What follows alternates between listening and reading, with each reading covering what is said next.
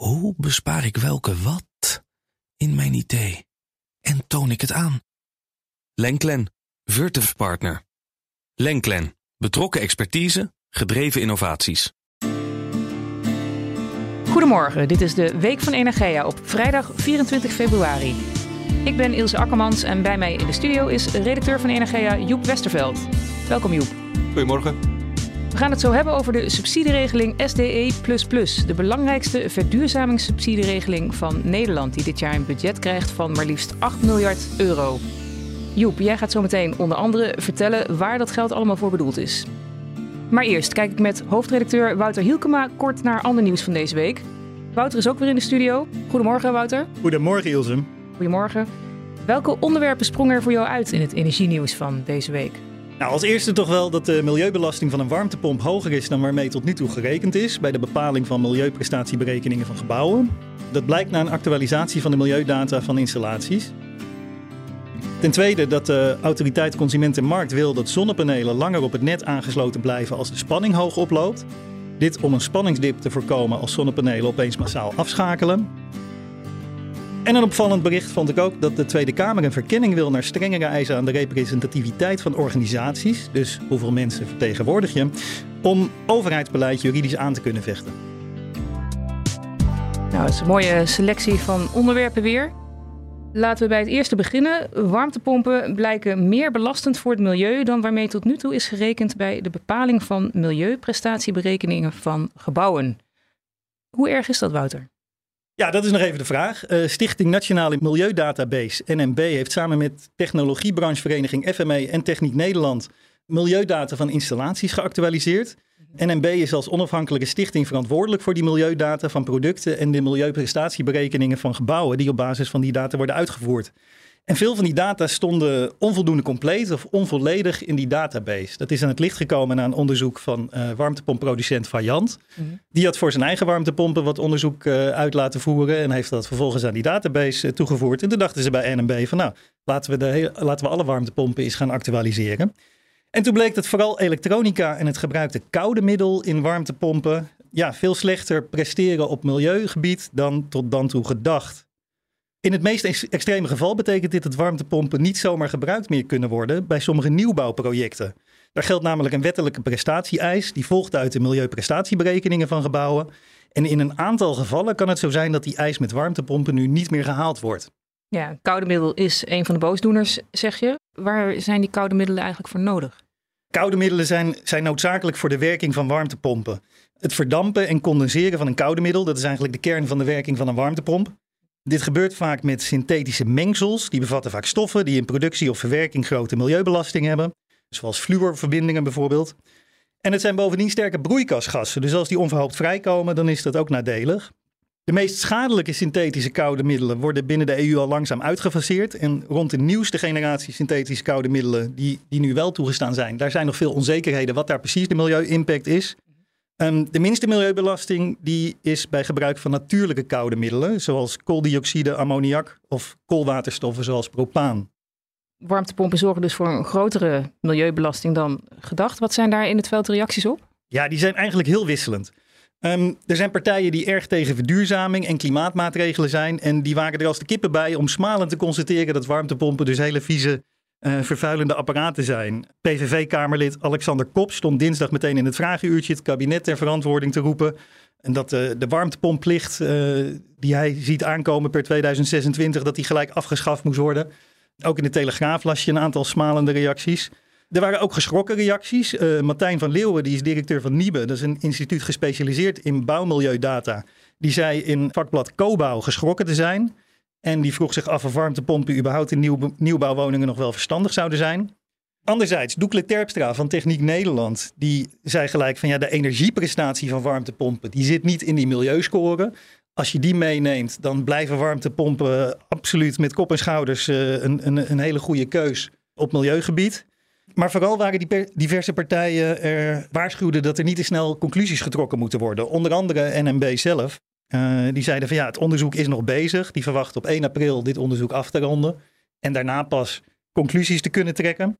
Waren ook nog partijen die zeiden van ja, hoe kan dit nou eigenlijk? Die trokken überhaupt die hele conclusies in twijfel. Kijk, een, een warmtepomp, dat is enkele tientallen kilo's metaal, plastic en koude middel.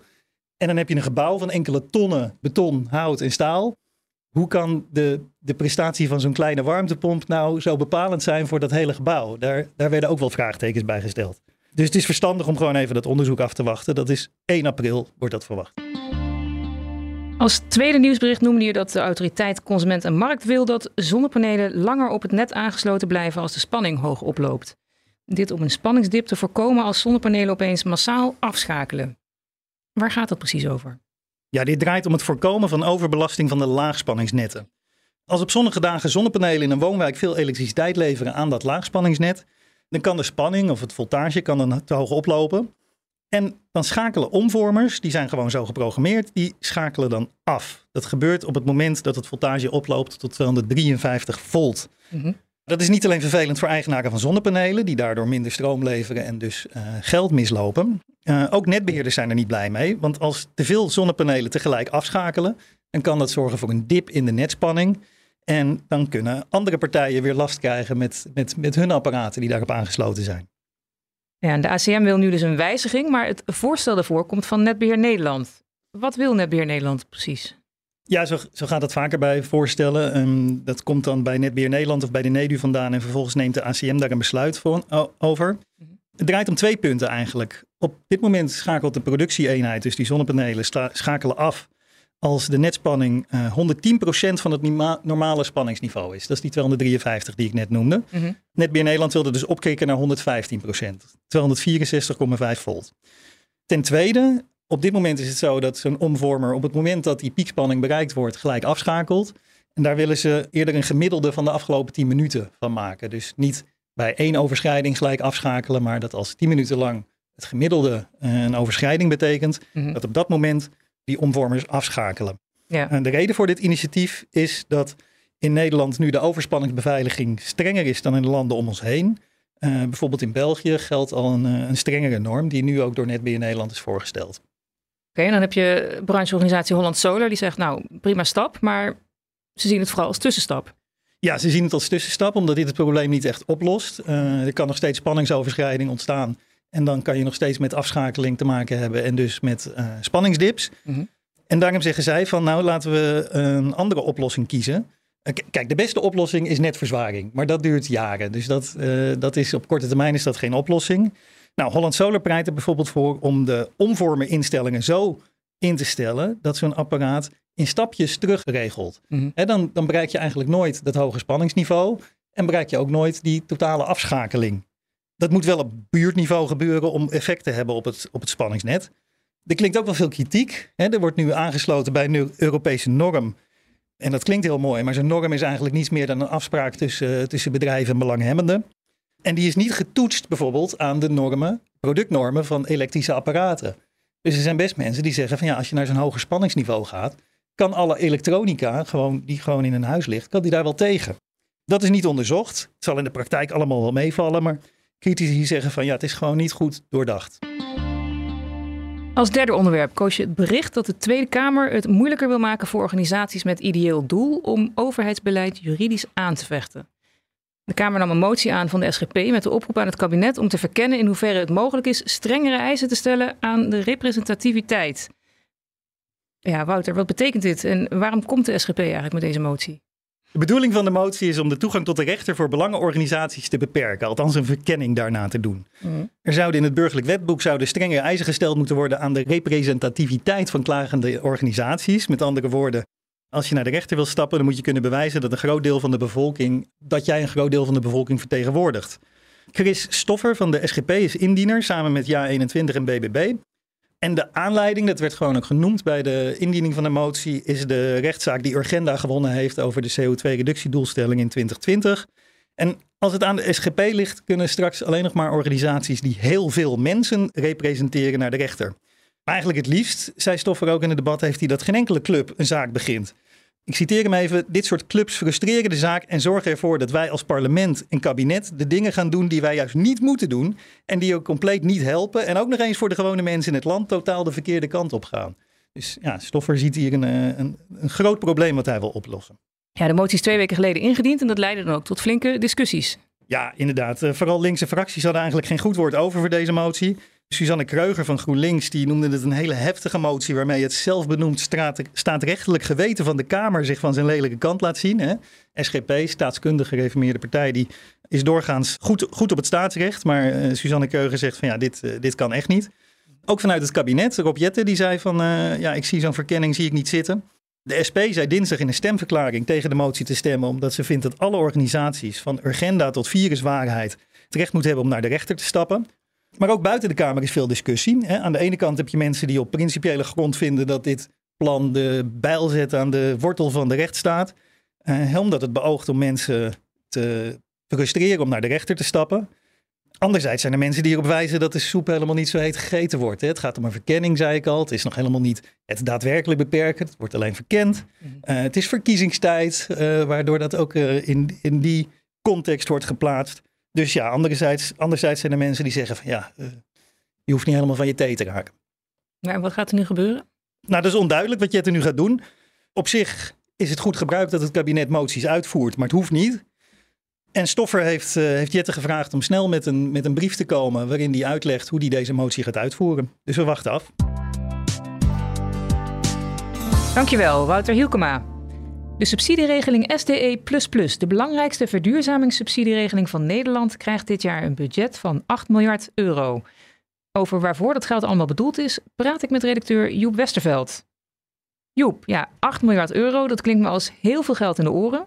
Het is ook 3 miljard euro meer dan het gebruikelijke budget, schrijft minister Jette. Ja, dat klopt. Daar heeft hij eh, technisch gezien uh, gelijk in. Want um, de SDE bestaat sinds 2020. Daarvoor was het de SDE En uh, sinds in 2020 was het inderdaad 5 miljard. 2021 was het ook 5 miljard. In, uh, vorig jaar was het aanvankelijk ook 5 miljard het budget. Maar dat is toen wel in eerste instantie met 3 miljard verhoogd tijdens Prinsjesdag. Vervolgens uh, nog een keer met 3 miljard. En vervolgens kwam daar nog een keer 2 miljard bij, omdat het uit niet uitgekeerde, niet uitgekeerde beschikkingen. Mm -hmm. Dus toen kwam het totaal vorig jaar op 13 miljard. Dus ja, je zou ook kunnen zeggen dat het 5 miljard minder is dan vorig jaar. -hmm. En uh, bovendien is het zo dat, dus voor 2020 had je de SDE Plus. De SDE Plus die regelde zich eigenlijk alleen maar op uh, duurzame energieproductie. En de SDE Plus Plus op duurzame energieproductie en andere technieken die CO2 reduceren. Maar goed, voor 2020 was het budget eigenlijk groter. 2017 was het 12 miljard beschikbaar. 2018 was het 12 miljard beschikbaar. 2019 was het 10 miljard beschikbaar. Dus ja, technisch gezien heeft hij gelijk dat het 3 miljard meer is dan gebruikelijk in de afgelopen jaren. Maar om... Waar moet die subsidie van 8 miljard euro toe leiden? Nou ja, de subsidie is uiteindelijk, uh, wat ik net zei, bedoeld om uh, duurzame energieproductie te stimuleren en andere technieken die CO2 reduceren. Dus bijvoorbeeld uh, CO2-afvang en opslag. Dat valt er ook onder, CCS. En daarmee dus gewoon de klimaattransitie in Nederland te stimuleren. Het is wel goed om even trouwens daarbij te vermelden dat die 8 miljard, het budget, dat is dus niet iets wat dit jaar of volgend jaar wordt uitgekeerd. Dat, is, dat loopt voor de hele looptijd van de, van de STE, dat is 15 jaar. Dus het wordt over 15 jaar uitgespreid. Eerst is er nog een, een, een voorbereidingsperiode van drie jaar. Dus in de komende 18 jaar wordt dat budget uitgekeerd. Mhm. En dan is de kans ook nog eens groot dat het niet de volledige 8 miljard wordt uitgekeerd. Want uh, dat, dat zou alleen maar zo zijn als ten eerste uh, alle 8 miljard wordt aangevraagd. En dat alle projecten die het aanvragen ook op tijd gerealiseerd zijn en al die subsidie krijgen. Dat is eigenlijk uh, nog nooit echt gebeurd. Dus in de praktijk is het eigenlijk altijd minder. Maar je vroeg, ja, waar leidt het toe? Als dat dus wel zo is dat al die projecten het allemaal aanvragen en allemaal uitgevoerd worden, dan zou het moeten leiden tot een besparing van 4 megaton CO2 in 2030. En de SDE is een subsidieregeling voor bedrijven en non-profit organisaties. Het budget van 8 miljard euro kwam tot stand na een advies van het Planbureau voor de Leefomgeving. Welke argumenten gaf het PBL daarvoor? Ja, misschien goed om ook even te zeggen, de SDE++, wat is dat nou eigenlijk? Nou, die subsidieert de zogenoemde onrendabele top. Mhm. Dus een bedrijf die investeert bijvoorbeeld in een zonnepark, uh, kost veel geld, en die moet je dan terugverdienen door uh, die stroom te verkopen. Nou, vaak is het zo dat die, die stroomverkoop net niet genoeg is om de investeringen uh, binnen een bepaalde termijn terug te verdienen. En dat verschil, dat is de onrendabele top. Dat kun je dan via de SDE terugkrijgen. Mhm. uh, maar goed, die onrendabele top die hangt dus af van in dit geval de, de elektriciteitsprijs. Want als de elektriciteitsprijs hoger is, verdien je meer, kun je meer uh, uh, terugverdienen en heb je dus minder onrendabele top. Dus wat, wat het PBL eigenlijk zegt, is die, die verwacht dat de energiekosten redelijk hoog zullen blijven. En dat het dus als gevolg uh, de, de verwachte uitgaven eigenlijk lager zullen zijn dan die, die dan die 8 miljard. Ja. En, uh, en daarmee hebben ze dus gezegd van dan kunnen we met het beschikbare budget, kunnen we, het openstellingsbudget is, is 8 miljard. Het, het werkelijk beschikbare budget is eigenlijk kleiner. Dit is eigenlijk in, in lijn met een motie die de, die de, Tweede Kamer in 2021 al heeft aangenomen. Uh, van onder meer Pieter Grinwis van de ChristenUnie. Die maakte zich daar eigenlijk uh, in mijn woorden ook een beetje druk om. Dat je ja. dus een openstellingsbudget hebt van de SDE, maar dat dat bedrag nooit helemaal wordt uitgekeerd. Terwijl er genoeg te doen is in de energietransitie. Dus dat is eigenlijk zonde. En, en hij riep dus eigenlijk het kabinet op om daar iets meer risico in te nemen.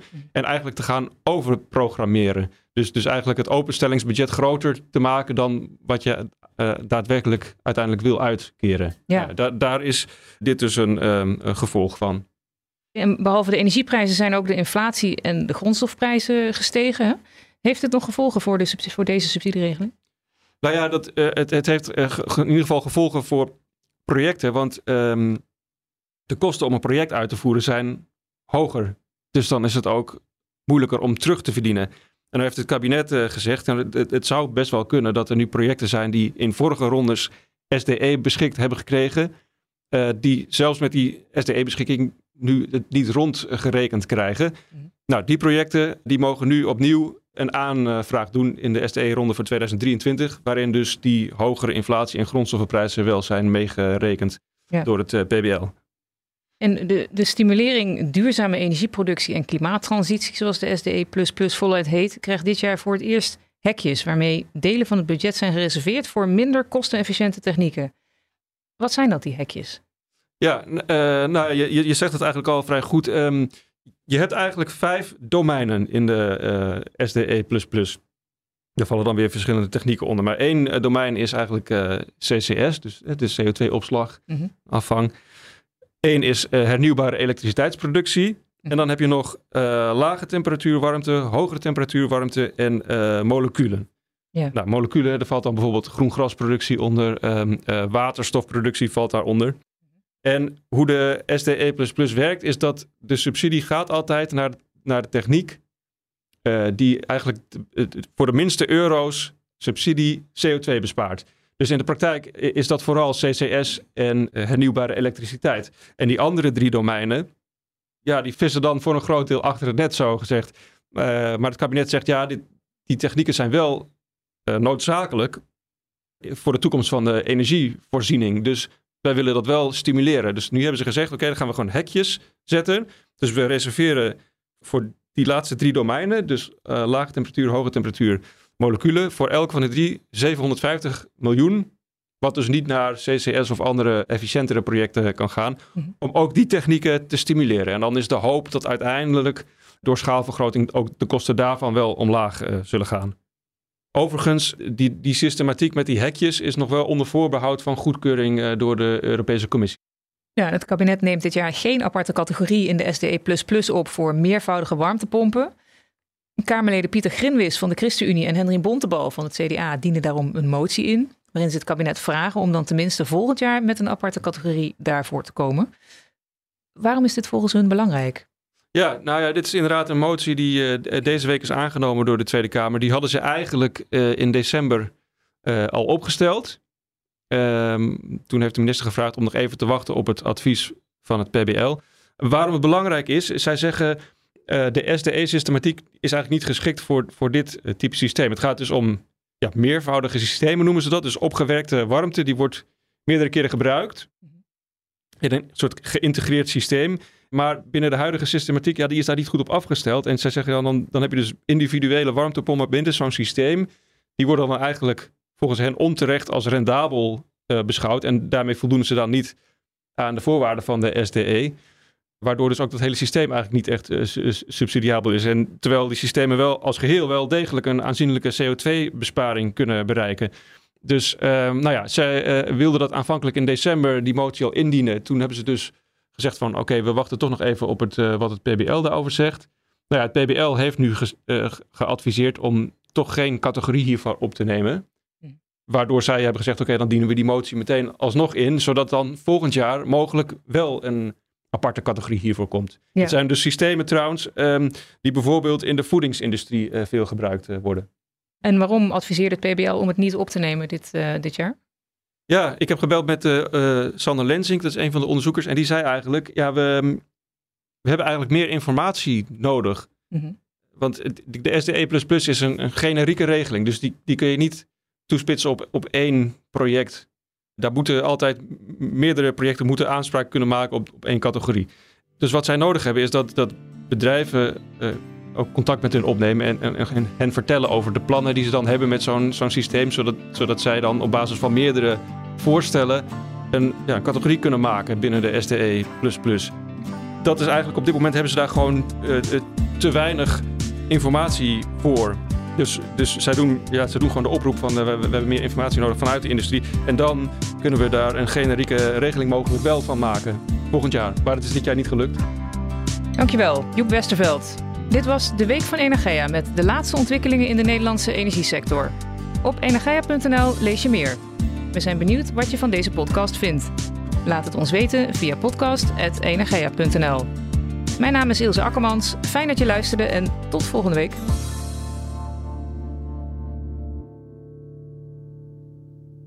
Hoe bespaar ik welke wat in mijn idee? En toon ik het aan? Lenklen, Virtuf Partner.